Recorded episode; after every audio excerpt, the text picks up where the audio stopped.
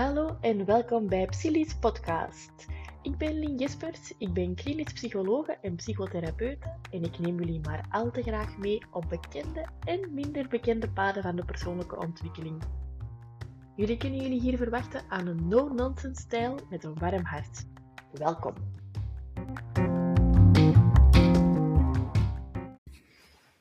Hallo, hallo en welkom bij Psyli's podcast. Op deze stormachtige dag op 18 februari 2022, ik ben benieuwd wat er allemaal gaat gebeuren, uh, neem ik jullie even graag mee in mijn verhaal over hoogsensitiviteit. nu, zoals vele van mijn type hoogsensitiviteit, herkende ik mij altijd maar in een paar trekken daarvan. En wat, wat is eigenlijk hoogsensitiviteit? Is misschien een belangrijk iets om mee te beginnen. Hoogsensitieve personen zijn eigenlijk sensitiever voor de omgeving. Voor prikkels uit de omgeving, niet alleen prikkels uit de omgeving, maar ook prikkels, interne prikkels. En dat, dat heet dan interoceptie. Interoceptie is eigenlijk de gevoeligheid voor prikkels die daar van binnenuit komen, zoals een hongergevoel bijvoorbeeld. Um, hoogsensitieve personen zijn lang eigenlijk gezien als moeilijk. dat was vroeger ook dat ze werden zelfs omschreven in de literatuurstudies. Maar eigenlijk is dat niet waar het over gaat. Hè. Hoogsensitieve personen zijn vooral mm, hebben een, een, een, een grotere perceptie, dus merken eigenlijk de omgeving rondom zich uh, feller op en verwerken die ook dieper. En daar spelen dan ook twee belangrijke systemen een rol in. En dat is het pause-and-check systeem, of het even de kat uit de boom kijken systeem zou je het kunnen noemen. En het optimal uh, option systeem. Of altijd eigenlijk gaan proberen te gaan voor de optimale beslissing in een situatie. Ik omschrijf dat pause-and-check systeem eigenlijk heel vaak als het even door gelei moeten als je in een nieuwe situatie gaat. Dus als ik binnenkom in een restaurant of ik kom binnen um, in het, bijvoorbeeld in het kantoor van mijn wederhelft en er zijn een aantal mensen aanwezig uh, die dat ik misschien niet direct had verwacht. Of in het restaurant is het misschien ja, een nieuwe layout waar ik nog nooit ben geweest. Hè dan um, ja, voel ik mij zo even alsof dat ik in gelei zit. en dan is het moeilijk om meteen spontaan op een uh, um, voorkeurs-extraverte manier, want daar hebben we in onze maatschappij wel de voorkeur voor, meteen zeer dominant een beslissing te gaan nemen en hallo te gaan zeggen en sociaal te gaan zijn enzovoort. Hoewel ik wel sociaal ben, van aard. Dus ik zou mezelf omschrijven als ambivert. Ik kan heel veel genieten van sociaal contact en ik kan heel veel genieten van alleen zijn en ook goed van recupereren. Um, maar dus even in de gelei, om het op zijn Antwerps te zeggen. Dus ik kom ergens binnen, het is een nieuwe situatie en ik voel dat ik even daaraan moet wennen. Ook al wil ik eigenlijk wel gewoon hallo zeggen en sociaal zijn en al die dingen doen uh, die dat niet hoogsensitieve personen gewoon vanzelf doen zonder daarin gelei tegen te komen. En dan hebben we nog die optimal option ambition. Waarbij dat je, ja, daar, daar komt die diepere verwerking speelt daarbij een rol. Hè. Dus um, wat er eigenlijk gebeurt bij hoogsensitiviteit, is dat je niet alleen alle informatie uit je omgeving en uit je lijf uh, feller opmerkt, maar dat je die ook nog eens dieper gaat verwerken. Hè. En dieper verwerken, dat lijkt uh, zo'n abstracte term. Voor mij gaat dat er vooral over dat je je heel bewust bent van wat er gebeurd is. Um, en dat je daar dan ook goed over gaat nadenken of dat dat ja, optimaal gelopen is. Hè. Um, het kan bijvoorbeeld zijn, als ik dan vergelijk in mijn ouderschap van, van mezelf en, uh, mijn wederhelft of andere mensen, dat ik bijvoorbeeld echt heel goed ga analyseren hoe dat ik bepaalde zaken heb aangepakt als ouder. En dat ik gewoon continu aan het bijsturen ben en continu probeer beter te doen. Hè.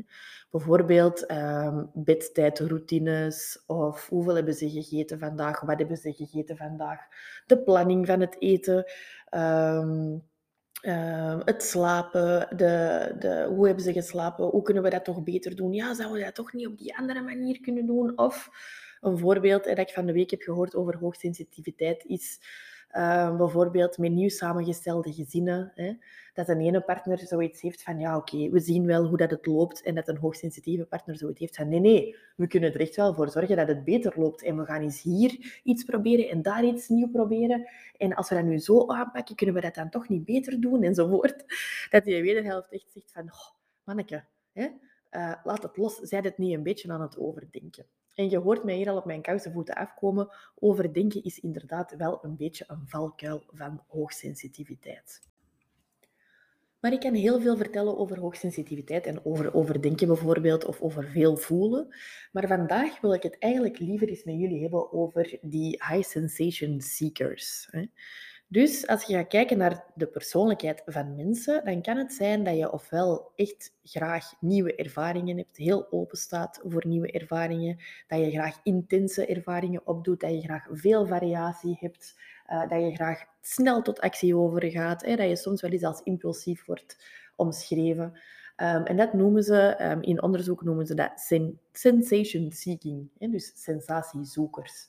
En het is eigenlijk pas wanneer dat ik die, uh, dat type van hoogsensitieve personen uh, daar meer over begon te leren, dat ik mezelf echt, echt, echt in die hoogsensitiviteit herkende.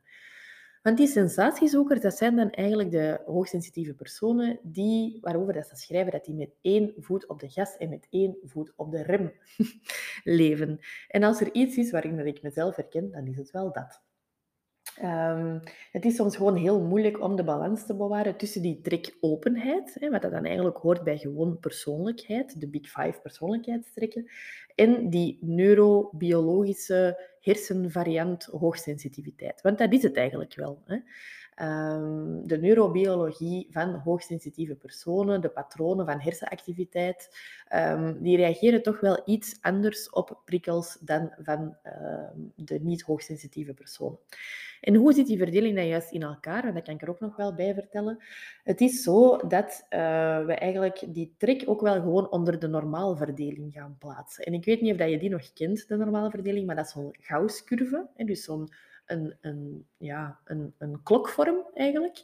En dan uh, bij hoogsensitiviteit zien ze eigenlijk, of bij sensitiviteit zien ze eigenlijk dat 30% van de mensen lager sensitief is, 40% van de mensen in het midden dan um, normaal sensitief is, zullen we dat maar zeggen, gemiddeld sensitief, en dan opnieuw 30% van de mensen hoogsensitief is. Dus dat is eigenlijk de verdeling. Nu, waarom heeft het nu zo lang geduurd voor ik mezelf uh, kon herkennen in die trek hoogsensitiviteit? Omdat dan opnieuw van die verdeling, van die 30% hoogsensitieve personen van de mensheid, om het dan maar zo te zeggen, ook maar 30% die high sensation seeking variant heeft. Dus de mensen die dat um, met één voet op de gas en één voet op de rem leven, die zijn niet zo dik bezaaid. Wat daar dan ook nog bij kan komen kijken, is dat je naast um, hoogsensitief hè, en naast een sensation seeker dan ook nog eens een felle wilskracht kan hebben als persoon. En het is die combinatie van factoren die ik heel vaak tegenkom bij mijn cliënten. Wat natuurlijk je doet vermoeden dat je daar zelf ook wel wat eigenschappen van hebt. Want zoals ik al tijdens mijn podcast meermaals gezegd heb, krijg je de mensen uh, waar je eigenlijk zelf ook een beetje op lijkt in jouw praktijk. Dus die mensen voelen zich ook aangetrokken tot jou en denken ook van, oké, jij kan mij helpen. Uh, dus dat maakt dat je eigenlijk veel gelijkaardige uh, karaktertjes in je praktijk tegenkomt.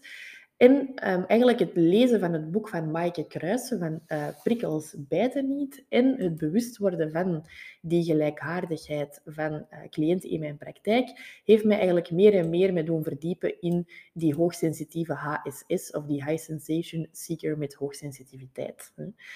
Dus je hebt twee soorten hoogsensitieve personen. Hè. Uh, je hebt degene die daar rust gaan zoeken en je hebt degene die daar ook graag prikkels gaan zoeken. Dus prikkelzoekers en rustzoekers. En ik hoor bij de prikkelzoekende soort, um, die dat dan ook nog eens uh, best wel een felle wilskracht heeft. Hè.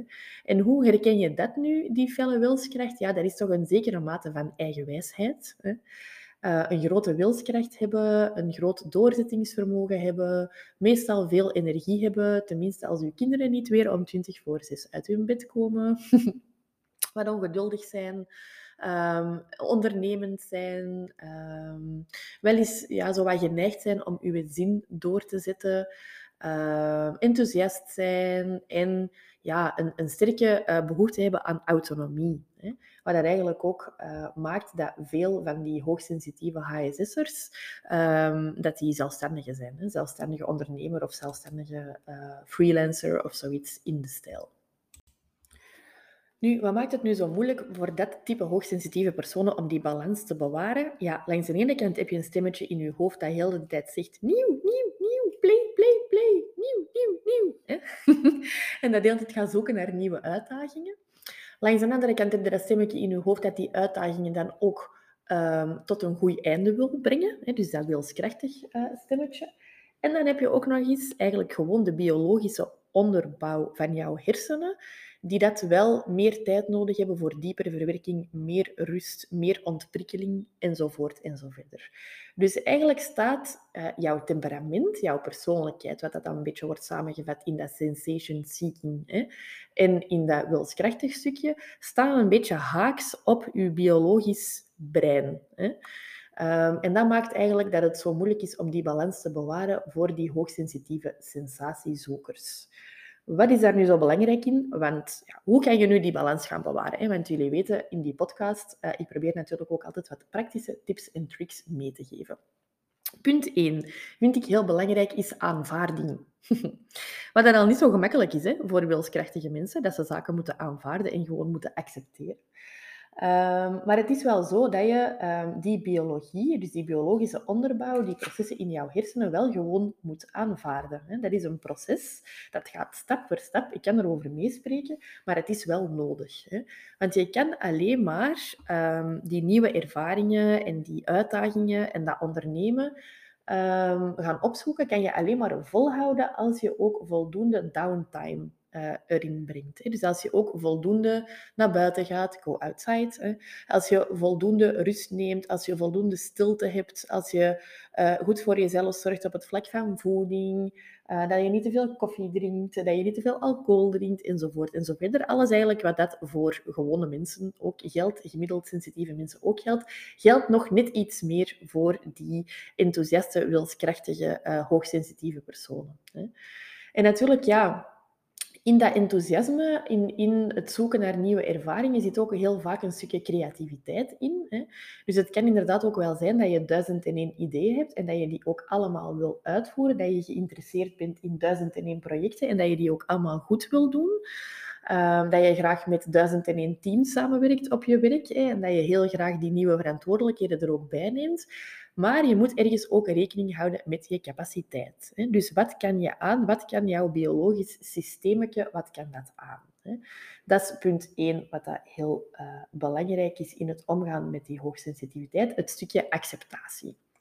En dan gaan we eens gaan kijken naar oké, wat is nu in principe mijn uh, spanningsthermometer of zo? Hè? Wat gebeurt er wanneer ik op 25% spanning zit? Wat gebeurt er wanneer ik op 50% spanning zit? Wat gebeurt er wanneer ik op 75% spanning zit? En wat gebeurt er wanneer ik op 100% spanning zit? En ik ga voor jullie in deze podcast ook een gratis download toevoegen waar jullie zo'n spanningsthermometer kunnen invullen. Want dat is ook wel interessant om eens naar te gaan kijken. Hè? Um, en dan gaan we ook het onderscheid maken tussen denken, doen en voelen. Wat voel je daarbij bij dat percentage? Wat denk je daarbij en wat doe je daarbij? Dus dat is punt 2, wat dat super belangrijk is voor die enthousiaste, hoogsensitieve personen, is doseren. En punt 3 is voor mij eigenlijk focus. Want alles is interessant. Er zijn veel interessante dingen in het leven, maar waar wil je de focus op leggen? En dat is ook iets waar ik dag in dag uit mee bezig ben, is meer mijn focus gaan richten op de zaken die ik echt graag doe. Ehm, de generatie na ons, die noemt dat dan heel vaak werken in je zone of genius. dus eigenlijk werken in zaken waarin dat je ook energie van terugkrijgt. Dat is eigenlijk ook echt superbelangrijk voor die hoogsensitieve personen. En dat noemen ze dan in therapie ook wel eens het existentiële luik. Hè. Waarvoor ben jij op deze wereld gezet? Uh, waar krijg je energie van terug? Wat zijn jouw waarden? Uh, waar wil je naar leven? Waar wil je op terugkijken als je op je sterfbed ligt? Enzovoort. Hè. Dat geeft eigenlijk focus aan jouw leven. Dus Laat alsjeblieft dat enthousiasme niet varen. Hè. Verander jezelf niet uh, nodeloos in een rustzoekende, hoogsensitieve persoon. Want geloof mij, dat gaat toch niet lukken. Hè. Maar focus je wel op een aantal dingen waarin dat je jezelf, uh, waarop je jezelf kan toeleggen en waarop je dat enthousiasme echt gewoon vol een bak, om dan op zijn Antwerps te kan laten gaan. Hè.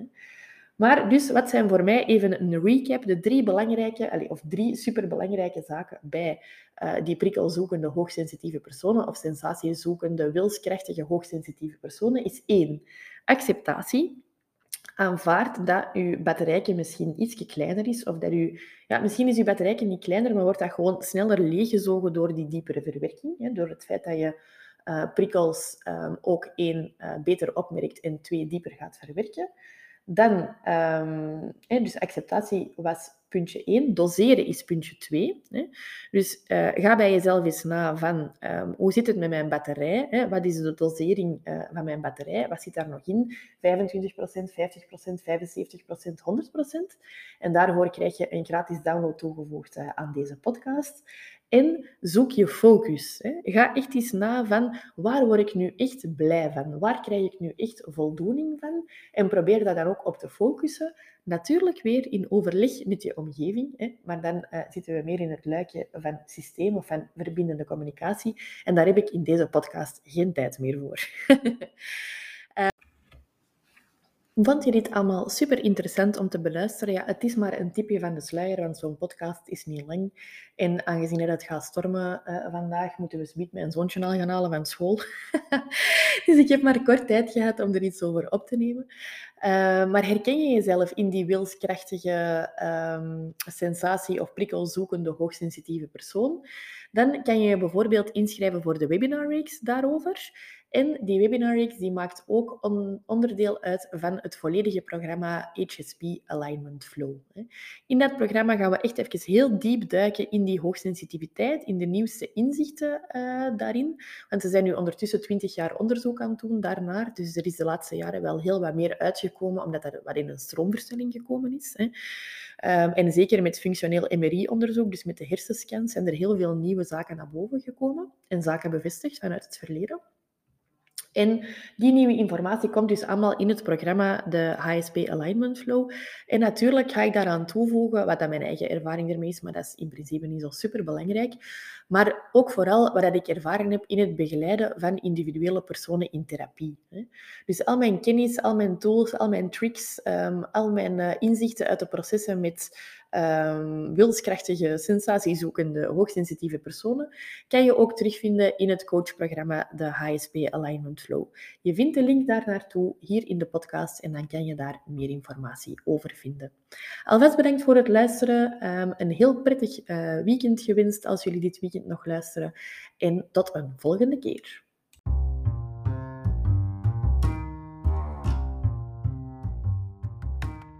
Als je al niet kan wachten tot de volgende podcast, dan kan je surfen naar www.psili.me www.psili.me. Daar vind je de blog, daar vind je de shop, daar vind je de afsprakenagenda. Je kan ons ook volgen op Instagram via psili underscore sense En de Facebookpagina vind je op www.facebook.com slash Tot binnenkort en stay sane.